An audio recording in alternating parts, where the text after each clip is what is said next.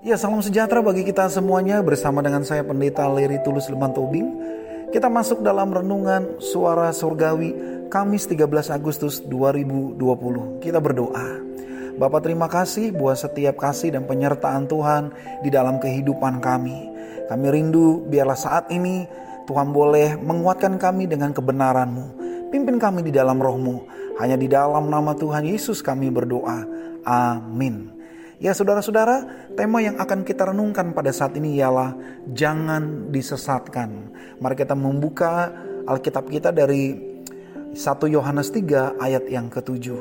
Firman Tuhan berkata, Anak-anakku janganlah membiarkan seorang pun menyesatkan kamu. Barang siapa yang, yang berbuat kebenaran adalah benar, sama seperti Kristus adalah benar. Saudara, berita viral siang kemarin di televisi menarik untuk disimak diberitakan bahwa ditangkapnya seorang dokter gigi gadungan di kota Bekasi yang telah berpraktek selama lima tahun dan diketahui hanya lulusan SMK saja. Bisa dibayangkan dengan keterbatasan ilmu yang dimiliki, berani untuk mengerjakan tugas bidang kesehatan yang seharusnya dilakukan oleh seorang ahli yang berkompeten di bidangnya. Sesungguhnya tidak hanya dokter gigi gadungan yang pernah ditangkap oleh kepolisian, tetapi juga di bidang pertahanan, yaitu seorang aparat gadungan yang mengaku sebagai anggota kepolisian atau tentara. Ini menunjukkan bahwa masyarakat sekarang ini sudah tidak lagi peduli dengan keaslian. Itu nampak sekali bukankah barang KW lebih banyak dinikmati dibanding dengan barang asli.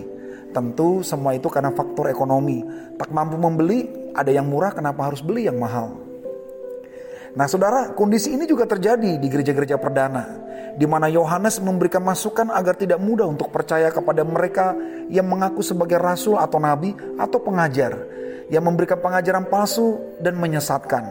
Sebab yang benar itu hanyalah Kristus yang sudah menunjukkan karya konkretnya lewat pengorbanan dan ketulusannya untuk mengasihi kepada mereka yang berdosa, dicintai, diterima kembali, dan masuk dalam kehidupan yang Tuhan karuniakan.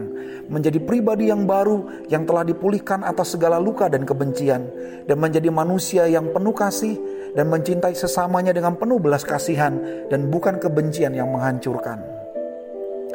Jangan biarkan kita disesatkan dengan hal-hal yang tidak sesuai dengan kebenaran Injil. Apalagi hal itu benar-benar jauh dari apa yang Kristus ajarkan kepada kita. Agar jangan disesatkan, mari kita cari tahu kebenarannya. Siapakah pribadi yang mengaku sebagai rasul, nabi, atau pengajar itu? Uji apa yang diajarkannya, apakah sesuai dengan ajaran firman Tuhan yaitu Alkitab. Dengan itu, kita akan mengerti dan lebih hati-hati untuk mempercayainya. Sebaliknya, kita pun perlu menguji diri kita di hadapan Tuhan. Apa yang kita lakukan selama ini dengan iman kita, sesuaikah dengan kehendaknya? Dengan itu kita tetap menjadi pribadi yang benar-benar murni sesuai dengan maksud dan kehendak Tuhan. Tuhan yang Maha Kasih menolong kita untuk tetap menjaga diri dan hidup hanya kepada keaslian yang Tuhan ajarkan. Amin. Kita berdoa. Bapak terima kasih buat setiap kasih dan juga kebaikan Tuhan lewat firman yang kami dengar. Biarlah kami sungguh boleh belajar untuk lebih hati-hati mempercayai, mempercayai apa pun di dalam hidup ini. Agar kami betul-betul bertumbuh hanya di dalam firman Tuhan dan kami mau melakukannya hanya sesuai dengan apa yang Tuhan ajarkan. Kami menyerahkan aktivitas hidup kami pada hari ini. Biarlah semuanya boleh memuliakan Tuhan dan semuanya boleh berkenan kepadamu. Hanya di dalam nama Tuhan Yesus kami berdoa. Amin. Ya selamat beraktivitas saudaraku. Tuhan Yesus memberkati.